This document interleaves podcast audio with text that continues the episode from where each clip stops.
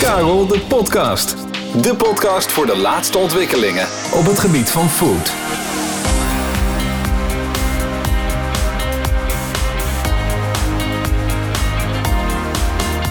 Vanuit de studio van Karel Leurvink is dit Karel de Podcast.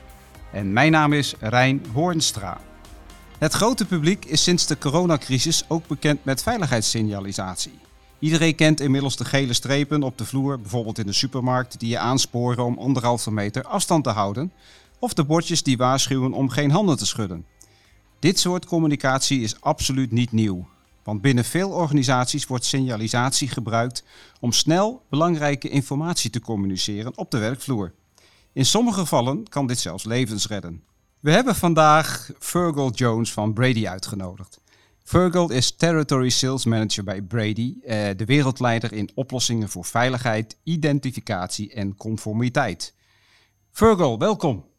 Dankjewel, Rijn. Fijn dat je voor onze luisteraars eh, speciaal naar Enschede bent afgereisd. Gelukkig, uh, het weer leek vanochtend wat minder, maar ik denk dat je zonder problemen bent aangekomen. Prima, ja zeker. Kijk eens aan. Welkom in de studio. Uh, laten we bij het begin beginnen. Jullie gebruiken op dit moment de term visuele werkplaats. Kun je aan onze luisteraars uitleggen wat je daarmee bedoelt? Ja, het, het, het gaat erom dat belangrijke informatie, um, dat je belangrijke informatie voorziet daar waar deze zichtbaar moet zijn voor de werknemers. En uh, dit concept speelt uh, uiteindelijk een belangrijke rol in, uh, enkel, in enkele van de populairste lean tools, zoals 5S. En dat wordt ook wel 5S Plus genoemd. Oké, okay, gelijk een aantal mooie termen, daar komen we straks zeker op terug. Um, ja, waarom is die visuele werkplaats zo belangrijk? Uh, kun je een aantal voordelen daarvan opnoemen? Ja, uh, eh, 75% van de kennis um, wordt verworven via visuele markeringen.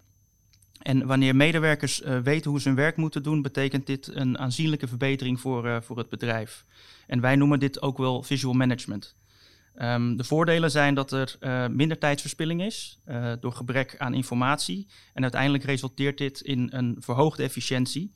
Uh, door de mensen te helpen en uh, in één oogopslag te vinden wat ze nodig hebben. Oké, overzicht en uh, duidelijke signalering. Goed, nou die voordelen die, die, die komen bekend voor. Ehm, kun je ook wat voorbeelden geven van, van die daadwerkelijk visuele markeringen? Zoals het bij onze luisteraars ook wat meer ja, gaat leven. Want het is natuurlijk niet visueel op deze manier, maar Misschien kun je het een klein beetje visualiseren. Ja, we zijn natuurlijk ook allemaal visueel ingesteld. Ja. Dus dat is, is wel fijn. Um, ik heb ooit een, een misschien een, een gek voorbeeld gekregen of gehoord van een collega. En die begon ineens over pannenkoeken bakken. Um, ik, zal, ik zal het even uitleggen. Ja, graag. Um, als ik thuis pannenkoeken bak, dan weet ik alles te vinden. Um, als ik bij jou pannenkoeken zou gaan bakken, uh, dan denk ik dat ik heel veel tijd kwen, uh, kwijt ben met het, het zoeken naar de juiste producten en gebruiksvoorwerpen.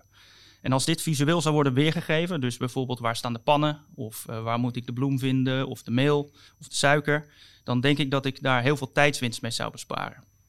Dat is in, in die zin eigenlijk um, waarom wij uh, visual management uh, hanteren. Um, ik heb ook een aantal bedrijfsmatige voorbeelden die misschien ook tot de verbeelding spreken. Um, bijvoorbeeld komt het vaak voor dat mensen op zoek zijn naar verlengkabels. ja, waar liggen die dingen? ja, die liggen in het magazijn, maar waar? Um, dus door middel van het identificeren van locaties in een magazijn ga je ook makkelijker dingen terugvinden. Um, je noemde het zelf al in het begin. Um, een heel actueel onderwerp is corona. in alle supermarkten en winkels zie je de anderhalve meter uh, afstandpictogrammen. Uh, het aangeven van looppaden, bij onder andere betreden van uh, productieruimtes of het verplicht dragen van mondmaskers. ander voorbeeld zijn veiligheidspictogrammen. die brengen bijvoorbeeld mogelijke gevaren in kaart en leggen ze ook uit aan de werknemers. Uh, en samen, eh, in samenspraak met uiteraard de gepaste veiligheidsmaatregelen. Maar denk bijvoorbeeld aan verboden te roken pictogrammen of gevaar voor heftruckverkeer, dat soort zaken. Um, en er zijn bijvoorbeeld binnen bedrijven ook steeds meer nationaliteiten, dus verschillende talen op de werkvloer. Um, je, je, zou pictogrammen kunnen creëren met daaronder de tekst in elke taal. maar dat kan best wel uit de hand lopen als je heel veel nationaliteiten hebt. Um, dus er is bijvoorbeeld ook een internationale standaard, dat is de ISO 7010. En die heeft eigenlijk als doel om geen of zo min mogelijk tekst te gebruiken. Zodat het uh, eigenlijk niet uitmaakt ja, welke nationaliteit je op de vloer hebt, maar dat iedereen weet wat betekent het en waar moet ik me aan houden. Um, zo zijn er bijvoorbeeld ook uh, leidingmarkeringen en die informeren uh, werknemers en aannemers om op een snelle en makkelijke manier over de stroominrichting en de inhoud van de leiding. Um, hier zijn ook weer verschillende normeringen in. Bijvoorbeeld de NEN 3050 is een Nederlandse normering. En er is een nieuwe internationale norm en dat is de ISO 20560. Um, er zijn ook bijvoorbeeld labels voor het uitschakelen van elektrische apparatuur. Die geven duidelijk aan uh, ja, waar zit de schakelaar. Uh, en uiteindelijk moet dat ervoor zorgen dat ze machines uitschakelen en, en uiteindelijk ongevallen vermijden en ook, ook levens daarmee kunnen redden. Um, je hebt ook evacuatiepictogrammen, markeren van nooduitgangen, brandbespreiding, nooddouches. Um, eentje die veel vergeten wordt is de identificatie van apparatuur. Um, bijvoorbeeld voor gereedschap of machines. Uh, ja, wat mist er dan en aan wie heb ik het meegegeven? Dat is allemaal moeilijk te achterhalen. En last but not least heb je bijvoorbeeld ook te maken met uh, vloermarkering. Uh, denk aan palletwagens in magazijnen. Die dingen die raken vaak zoek. Want de ene zet hem daar neer, de ander dacht hem daar te kunnen vinden, maar dat is niet zo. Uh, dus daar kan je ook met vloermarkering eigenlijk eenvoudig aangeven waar die palletwagen moet staan. En dat leidt uiteindelijk tot een stuk minder ergernis. Eh. Kijk, kijk, kijk. Ja, dat is een, een hele handvol informatie. De bedrijfsslogan van Karel Leurvink is iedereen verdient een schone en veilige werkomgeving. Dus ja, hoe kun je elkaar beter vinden dan hè, als, als organisaties dan op het gebied van veiligheid, denk ik. Ja. Dat woord heb je al een aantal keren ge, gebruikt. ja, niet voor niets. Ik kan me voorstellen dat er, uh, hebben, en we hebben ook al NEN-normen genoemd en, en, en ISO-normen, maar er zal toch echt wel strikte wetgeving zijn voor bedrijven om aan bepaalde eisen te kunnen voldoen en moeten voldoen. Kun je ons daar iets meer inzicht in geven, Virgil? Ja, um, wetgeving op het gebied van identificatie zijn er eigenlijk niet, maar er zijn wel richtlijnen. Uh, bijvoorbeeld vanuit de EU zijn er richtlijnen en normeringen. ik heb er al een aantal benoemd. een van die normeringen is de ISO 7010. Um, in het algemeen zijn bedrijven niet verplicht uh, deze uh, pictogrammen te gebruiken in hun werkplaatsen. Uh, maar een nationale wetgeving kan echter wel verwijzen naar die ISO 7010-norm. Ehm, en in dat geval is het wel verplicht. dit is bijvoorbeeld in, een land als Frankrijk het geval. Um, maar daarom raden veel overheidsinstanties diverse landen aan om in ieder geval de ISO 7010 pictogrammen te gaan gebruiken. zeker bij bijvoorbeeld een nieuwe productiesite of bij vervanging van oude of vervaagde pictogrammen. Heeft er dan niet een, zeg maar, een soort Europese harmonisatie plaatsgevonden? Dat, dat, want ik kan me voorstellen dat, dat dat heel erg verwarrend kan zijn. Zeker met open grenzen en, en, en, en uh, werknemers die zeg maar, muteren tussen verschillende landen. Uh, je gaf het zelf al aan, zo min mogelijk tekst om verwarring te voorkomen. Maar is er een soort Europese standaard? Uh, Nee, de, de, de, de standaard die eigenlijk wordt gebruikt is die, die ISO 7010 standaard. Ja. En dat is een internationale standaard. Oké. Dus eigenlijk uh, is het zo dat wij als, ja, als organisatie uh, raden de mensen ook altijd aan om daar gewoon mee te werken. Um, uh, en als ze er niet mee werken, wat ik net zei, als je dan een nieuwe site of je pictogrammen zijn oud of, of ja, vervaagd, dan kan je ze beter vervangen door die nieuwe normering. Dan zit je altijd goed. Ja.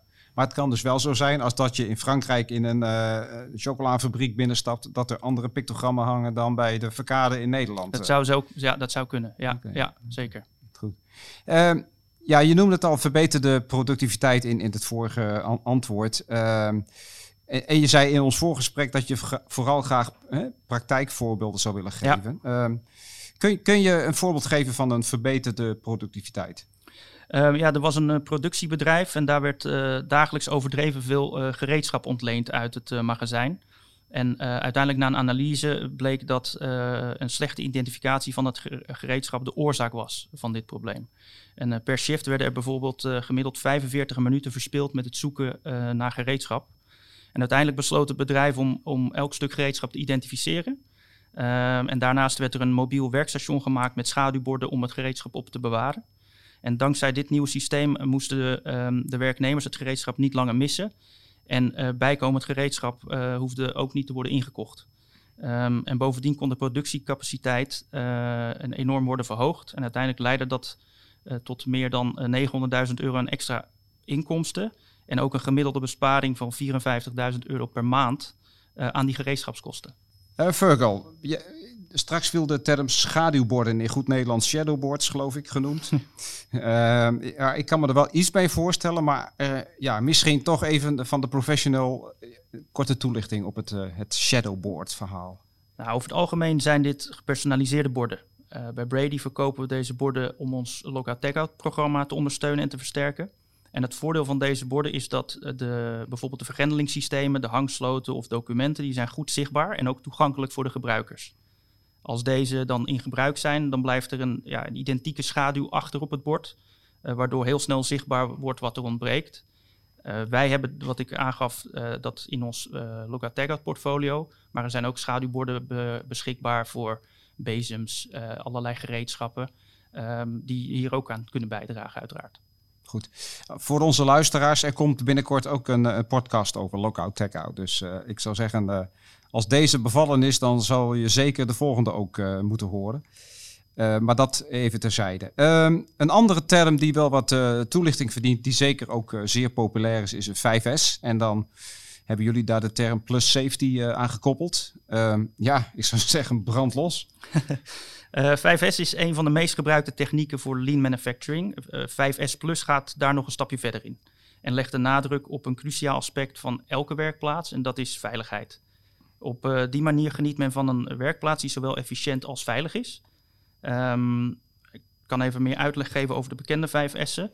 Uh, want uiteindelijk zijn dat essentiële elementen in het opzetten van uh, operationele stabiliteit die men nodig heeft om voortdurende verbetering mogelijk te maken en te behouden. Het doel is een schone, geordende en veilige omgeving te creëren waar alles een plaats heeft en waar alles op zijn plaats ligt. Um, zodra men dat heeft, helpt 5S om onnodige verspilling te verminderen en de structuur en de discipline in te voeren die nodig zijn om de werkplaats te onderhouden en voortdurend te verbeteren. Uh, heel kort kan ik de 5S even benoemen. Ja, graag. Niet te diep op ingaan, maar uh, het staat voor sorteren, schoonmaken, schikken, standaardiseren, systematiseren en dan plus safety. Kijk, kijk, kijk, kijk. Ja, en, en dan, uh, dan krijg je echt, echt een, een, een, een organisatie die dus veilig is en, en zeer goed georganiseerd is. En, en ja, dan kom je eigenlijk weer bij het visual management terecht, of niet? Ja, uh, correct. De titel van deze podcast is uh, Visual Management. En ja, ik kan me eigenlijk wel voorstellen dat dat een belangrijk onderdeel is van dat Lean 5S-concept. En in jullie geval dat plus safety. Uh, zou je, wat voor voordelen biedt dat nu een, een, een, een eindklant door dit concept te implementeren en, en toe te passen?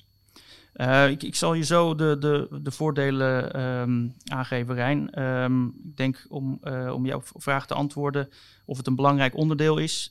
Dat is het zeker, maar Lean 5S is veel breder dan dit alleen. Um, want er zijn ook heel veel gekwalificeerde consultancybureaus voor. En wij kunnen op basis van onze kennis met betrekking tot visual management hier gewoon een belangrijke rol in spelen. als je kijkt naar de voordelen van een 5S plus werkplaats, uh, uiteindelijk vermindert dat een aantal zaken. Het vermindert activiteiten die geen toegevoegde waarde hebben. Uh, het vermindert fouten door werknemers of leveranciers. Uh, vermindert ook tijd om werknemers op te leiden en om gereedschap, onderdelen en benodigdheden te zoeken. En uiteindelijk vermindert het ook onnodig vervoer van goederen en onnodige verplaatsingen binnen het bedrijf. Het verbetert ook een aantal zaken. Het gebruik van de werkvloer, veiligheid en motivatie van de werknemers. Uh, kwaliteit van de producten en ook betrouwbaarheid van de apparatuur via frequente reiniging en inspecties. Ja, het zijn ja, zeer belangrijk dagelijkse zaken die, die meespelen. En ja, ik kan me daar iets bij, bij voorstellen, Virgil. Um, even doorschakelen. Jullie website, heel duidelijk, maar ontzettend veel pictogrammen en labels. Ehm, ja, hoe, hoe moet ik als klant daar een keuze in maken? Um, dat is heel. Ik kan me voorstellen dat het zo overkomt. En soms is dat ook zo. Uh, het is heel belangrijk om de toepassing goed in kaart te hebben. Dus wat is uiteindelijk de bedoeling? Uh, voor ons is het van belang om specifieke feiten te weten. Zoals is het voor binnen- en buitengebruik? Zijn er bepaalde temperatuursinvloeden? Komt het materiaal in aanraking met vloeistof, chemicaliën? Als je kijkt naar vloerpictogrammen, is dat, uh, wat is de toepassing dan? Moet het anti-slip bevatten of niet? En dit geldt voor zowel het bestellen van labels als als je het zelf wil bedrukken. Uh, want naast labelfabrikant zijn we ook printerfabrikant. Uh, dus als je de flexibiliteit in eigen hand wilt houden, dan is het mogelijk om pictogrammen, leidingmarkeringen zelf te gaan printen. Maar ook hier dus de toepassing weer het vertrekpunt. Kies je voor het zelf printen van pictogrammen, dan kan ook onze software de klant goed hierbij op weg helpen. Onze software bestaat uit allerlei verschillende applicaties. Ik zal er niet te diep op ingaan, maar Eigenlijk kiest de klant uh, een, een, bepaalde applicatie die bij zijn toepassing behoort. bijvoorbeeld als een klant leidingmarkeringen wil printen, dan hebben we een app leidingmarkering. En daar zit een database in die aansluit bijvoorbeeld op die ene normering, de NEN 3050. En vanuit daar als een klant kiest voor een gas, dan zorgt de app, de software ervoor dat eigenlijk de betreffende kleur die aan de normering hangt, meteen zijn, zijn label aangeeft en hij het label kan printen daarmee. Nou ja, zoals gezegd, website met ontzettend veel keuzemogelijkheden. En de, de, kans bestaat dat mensen ja, door de bomen het bos niet meer zien. Hoe kan Brady dergelijke organisaties op weg helpen, Virgil? Nou, van de ene kant is het soms maar goed dat het complex is, want dan is mijn rol nog van enige waarde. Um, maar we hebben natuurlijk heel erg veel verschillende producten, wat je al aangeeft, Rijn. En daarin weer allerlei verschillende materialen. zeker als het gaat om, om labeling.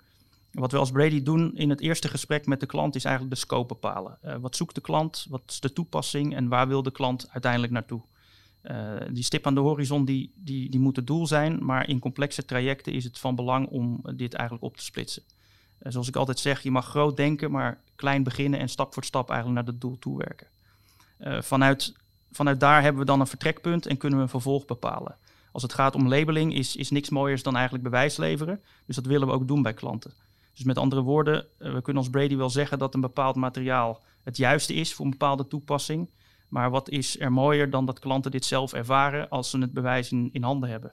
Dus wij laten klanten heel vaak onze materialen testen, zodat ze eigenlijk vanuit daar overtuigd zijn. Oké. Okay. Eh, duidelijk.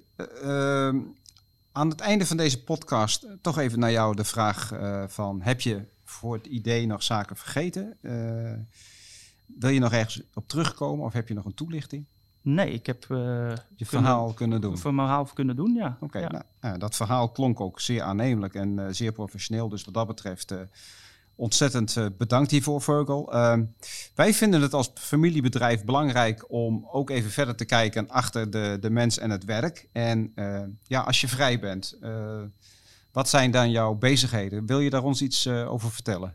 Uh, ja, uh, dat is misschien heel cliché, maar gezin, hè, dat, dat, dat staat dan op één. Hè, om het zo maar te zeggen. Uh, daarnaast hou ik van sporten, hardlopen, tennissen. vroeger ook nog wel voetbal, maar dat laat het lichaam niet altijd meer toe.